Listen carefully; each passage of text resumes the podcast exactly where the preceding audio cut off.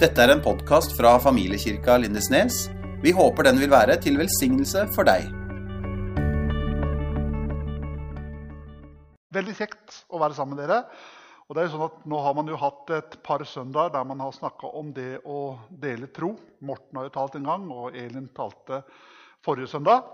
Og så skal jeg avslutte den serien i dag, og det gleder jeg meg til. Nettopp å snakke litt om dette her med å dele troa vår.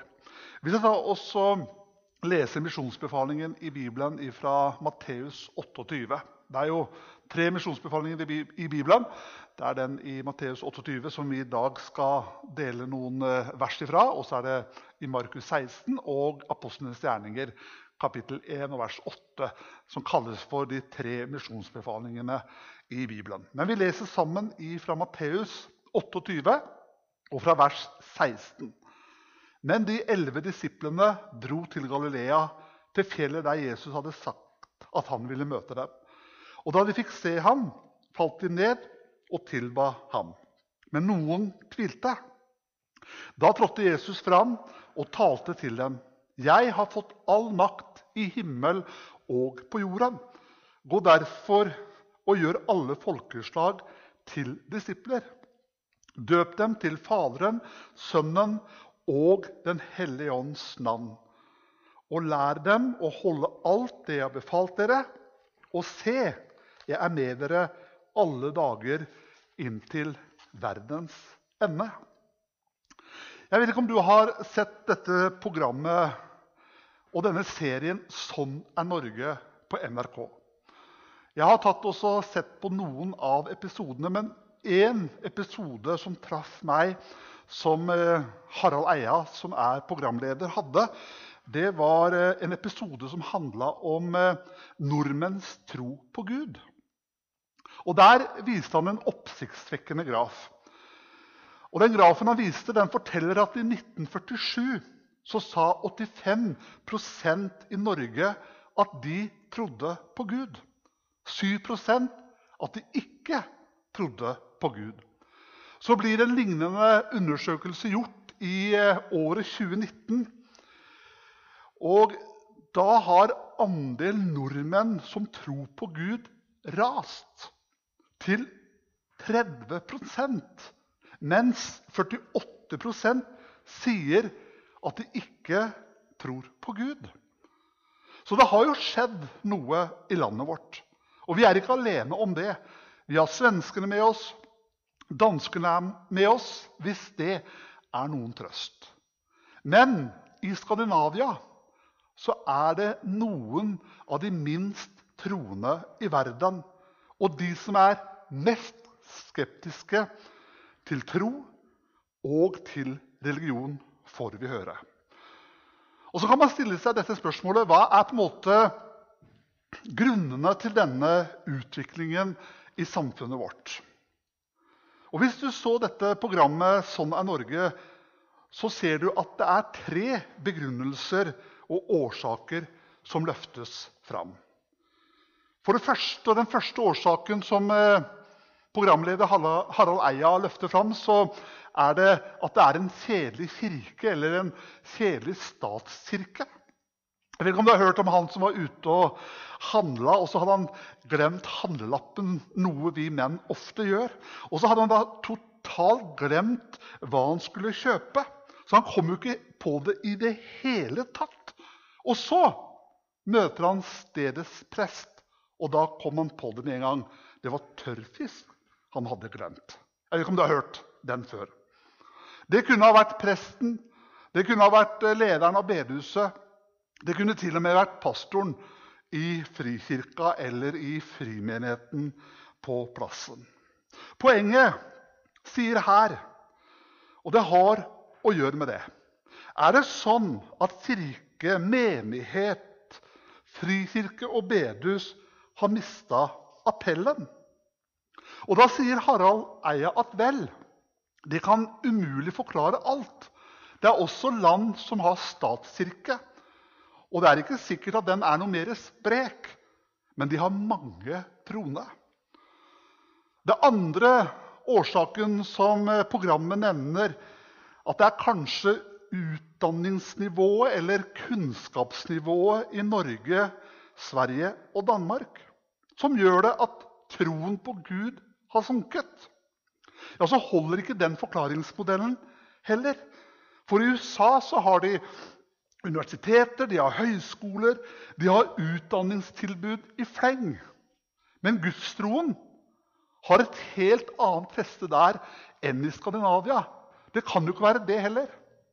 Den tredje årsaken han nevner, det er at det er velferdsstaten. Og Når jeg har sett det programmet, og mitt inntrykk at det er her han på en måte lander på at her er det noe. I Skandinavia, i Norge, så har vi det for godt til å tro på Gud. Til å bry oss om Gud. Så går han langt i å antyde at det er det som er problemet. At det er jo saken den, og Jeg skal ikke gå på en måte noe mer inn på dette. Men nå er jo det sånn at Norge er jo på veldig mange måter et av de beste landene å bo i. Men allikevel, om vi er det, så er det så utrolig mange som sliter med livet. Det var en som var veldig begeistret for velferdsstaten når han levde. Og det var samfunnsmedisineren Per Fugelli. Jeg vet ikke om du husker han. Han døde for noen år siden. Og Jeg leste et eh, foredrag som Per Fugelli hadde. Og Han på en måte var så begeistret for velferdsstaten. Men han så også tydelig noe om medaljas bakside. Og da sier eh, Per Fugli dette, og det er hva samfunnsmedisineren ser. Han sier jeg ser et økt narkotikamisbruk, spiseforstyrrelser, seksuelle overgrep, depresjoner og selvmord, utbrenthet, vold, mobbing, rasisme, ensomhet, utstøtning. Dette er også Norge og antageligvis Skandinavia. Der det på en måte er så få som tror på Gud. Der vi har så velutvikla velferdsstat. Og allikevel er det så mange, mange som kjenner at livet uten Gud er ingen idyll. Så hva sier Guds ord til oss i denne tida? Guds ord til oss når vi har lest fra Bibelen i dag, og vi har hørt fra misjonsbefalinger som sier 'gå derfor ut og gjør alle folkeslag til disipler'. Og der har vi også det norske folk. Så Jesu ord til oss det er å gjøre det norske folk, nordmenn, til disipler. Hva vil det si? Å gjøre noen til disipler? Ja, det handler om å lede dem til tro på Jesus. Men det handler også om mer enn det. For til disiplene så sier Jesus at de skal gjøre folkeslagene til disipler. Så hva er en disippel?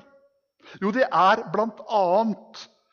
et menneske som er vunnet for Jesus selv, som er i stand til å vinne andre. Og da kan vi virkelig skape bevegelse. Og I dag så har jeg lyst til å dele med dere tre nøkler om nettopp dette. Som kan bety en forskjell i landet vårt. Der det ikke er et veldig klima for å tro på Gud akkurat nå. Men vi kan bety en forskjell. Norge er et fantastisk land å bo i. Vi skal være svært takknemlige for vår velferdsstat. Og samtidig er det jo nettopp det at vi har det så godt som mulig lurer noen til å tro at man ikke trenger Gud. Men vi vet at både de som har det godt, og de som ikke har det, trenger Gud. Og vi er på et oppdrag for å gi de Gud, og at vi skal dele vår tro. Og hvordan kan vi gjøre det i en velferdsstat der på en måte mennesker på en måte ikke trenger Gud? Og I dag så har jeg bare lyst til å gi dere og gi meg sjøl tre nøkler som ligner litt på hverandre. Og det er disse tre ordene. Det er å investere, det er å invitere, og så er det å involvere. Investere. Bonden han vet jo at uh, han kan ikke forvente innhøstning på åkeren i september om han ikke investerte i åkeren i mars. Han vet at mellom, mellom mars og september så må han pløye, han må gjødsle, han må så, han må vanne. Hvis ikke han gjør det, så blir det ikke en høst. Det var en evangelist som jeg hørte en gang. Han talte veldig inspirert, og så sa han, som jeg på en måte ikke kan glemme Han sa at det er nyttesløst å kjøre en innhøstingsmaskin over en grusbane. Jeg syns det er godt sagt. Men det gjelder også på det åndelige området. Og det kan på en måte føles litt sånn her overveldende ut. Og Jeg kjenner på at det kan føles litt overveldende ut når vi hører at det står dårlig til med gudstroa i Norge. Bare 30% av nordmennene som tror på Gud. Og da kan vi lammes av motløshet. Jeg tenker at Motløsheten den har tre trosartikler. Første trosartikkel det er at verden den er så stor. Andre trosartikkel jeg er så liten. Og tredje trosartikler det nytter ikke. Det er på en måte motløsheten. Men troen på Gud den sier noe annet. Og Jeg har lyst til at du skal få med deg følgende. Legg merke til hvordan Jesus gikk fram. Når han hadde sin tjeneste på tre og et halvt år. Hva gjorde han? Jo, han fremmet Guds rike ved å berøre ett menneske om gangen. Han eh, helbredet Bartimeus. Han gikk på hjemmebesøk hos Sakkeus. Han slukket den åndelige tørsten til kvinnen ved Sykars brønn. Han vekte opp synagogenes forstanders datter, altså Jairus' datter, opp fra de døde. Og mannen ved gravhulene, som hadde en legion onde ånder i seg, han ble satt fri. Så hva er dette her med disippelgjøring? Å gjøre mennesker til disipler? Det begynner med å se enkeltmennesker. Og så handler det om å investere i dem. Se enkeltmennesker og investere i dem. Du har sikkert hørt om moder Teresa eller mor Teresa. Hun starta i 1952 å hjelpe døende mennesker på gata i Calcutta i India i 1952. I 1980 så arbeidet over 3000 mennesker i hennes misjonsorganisasjon. Og de arbeider i 52 land. Det er tall fra 1980. De har sikkert økt ganske mye. Og dette arbeidet som Mode Teresa starta i 1952 i gata i Calcutta for å hjelpe mennesker. Og hun sier følgende Jeg ser aldri mengden som mitt ansvar. Jeg ser bare individet. Jeg kan bare elske én person av gangen. Jeg kan bare mette én person av gangen. Bare den ene, den ene, den ene. Og Jesus han sa, 'Det du gjorde mot en av disse mine minste' det gjorde dere mot meg. Så du begynner, og jeg begynner. Det handler om å hjelpe én person av gangen. Og Så kan man tenke ja, men det er som en dråpe i havet.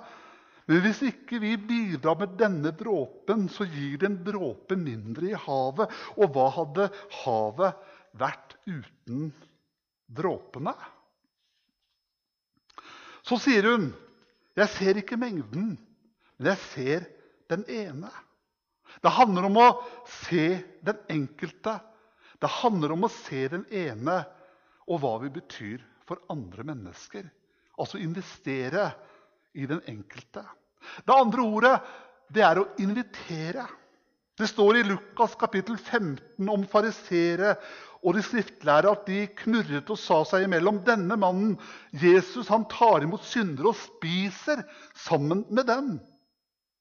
Hva skal du gjøre når du skal investere i mennesker? Hvordan ser det ut? Hva skal du gjøre hvis du skal invitere mennesker? Hvordan ser det ut? En veldig god måte vi alle kan gjøre, det er at vi så enkelt kan invitere noen til et måltid. En som het Alan Hurt, sier følgende Å regelmessig spise sammen er en av de mest hellige vanene vi troende kan legge oss til. Misjonalt gjestfrihet er en enorm mulighet til å utbre Guds rike. Vi kan bokstavelig talt spise oss inn i Guds rike. Og hvis alle kristne inviterte en fremmed eller en fattig eller en ensom inn i hjemmet deres for et måltid en gang i uka, så ville vi jo forandre verden bare ved å spise. Det går jo an å gjøre. Hvis evangelisering og disippelgjøring koker ned i noe så enkelt som det Å se et enkeltmenneske og investere i det ved å invitere dem til et måltid Da kan vi gjøre det alle sammen. Ja, hvem skal vi invitere, da? Ja, Det må jo du se. Det må jeg se. Og så tenker jeg at det, Å be en bønn og snakke med Jesus om det Og så handler det om å se i det nettverket man har rundt seg. Hvem er det i dine omgivelser som tydelig Gud arbeider med? Hvem er det du har rundt deg? Hvem kan du ta kontakt med? Hvem kjenner du? Bibelen snakker om det å kjøpe i den rette tid. Og Bibelen sier at evigheten er lagt ned i alle menneskers hjerte. Det tredje ordet det er å involvere. Fordi disippelgjøring handler ikke bare om å lede noen til tro. Det handler om å investere, invitere dem til et måltidsfellesskap, til et annet type samvær. Så er sjansen stor at disse du har fellesskap med, da kan lære Jesus å kjenne. Og det er det tredje. Det er når de har lært Jesus å kjenne, så handler det om å på en måte involvere dem i misjonsoppdraget. Jeg tenker på Markus kapittel 5 og vers 19. Denne mannen i gravfuglene som Jesus satte fri.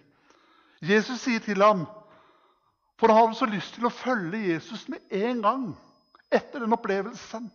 Men så sier Jesus følgende før du kommer og følger meg, så må du gå hjem til dine og fortelle alt det Herren har gjort for deg. Og hvordan Han har forbarma seg over deg. Og han gikk av sted og gjorde det kjent i Dekapolis, alt det Jesus hadde gjort for ham. Og alle undret seg. Jeg tenker at Det er så fint å være involvert i misjonsoppdraget nesten med en gang. Og så fortalte han bare videre hva Jesus hadde gjort for ham. I disse koronatider så er det et uttrykk som vi kjenner veldig godt til. Og det er dette uttrykket reproduksjonstall. Jo, reproduksjonstall det forteller hvor mange en kan smitte i gjennomsnitt en annen. Hvis reproduksjonstallet er to, så betyr det at hver smittet smitter i gjennomsnitt to andre. Hvis reproduksjonstallet er tre, da tar det veldig fort av. Men reproduksjonstallet er to, så er det sånn at vi får én. Epidemi, kanskje en pandemi. For smitten den sprer seg, og det har vi virkelig sett. Og så har jeg tenkt på noen ganger og Kanskje skal du hjelpe meg å tenke på det. Jeg vet ikke. Hva er reproduksjonstallet blant kristenfolket i Norge? Du forstår sikkert hva jeg mener. Hvor mange andre får vi med oss? Jeg holdt på å si, Hvor mange andre er det vi smitter i løpet av vår levetid? Vet du hva? Det kan vi gjøre noe med. Og det kan vi alle gjøre noe med. Ved å bruke nettopp disse tre nøklene som jeg har delt med dere i dag. Det første er å investere i enkeltmennesker. Og be til Gud hvem er det du skal investere i. Det andre er å invitere dem til et måltid mat. Lytt til deres historie. Vær interessert i mennesker. Lytt til deres fortelling. Så vil du også helt sikkert få anledning før eller siden til å dele din fortelling. Og dele din troshistorie. Hva Jesus betyr for deg. Og Har du leda noen til tro, så handler det om å involvere dem i dette store misjonsoppdraget. Så de som er vunnet, er i stand til å vinne andre til å dele troa med andre. Gå derfor ut og gjør alle folkeslag til disipler. Døp dem til Faderen og Sønnen og Den hellige ånds navn, og lære dem å holde alt det jeg har befalt dere. Og se, jeg er med dere alle dager inntil verdens ende. Da har jeg lyst til å ønske deg en eh, riktig god søndag videre. Og så vil jeg ønske deg en veldig fin 17. mai. Gud velsigne deg. Tusen takk for at du hørte på vår podkast. Følg oss gjerne på vår Facebook-side Familiekirka Lindesnes.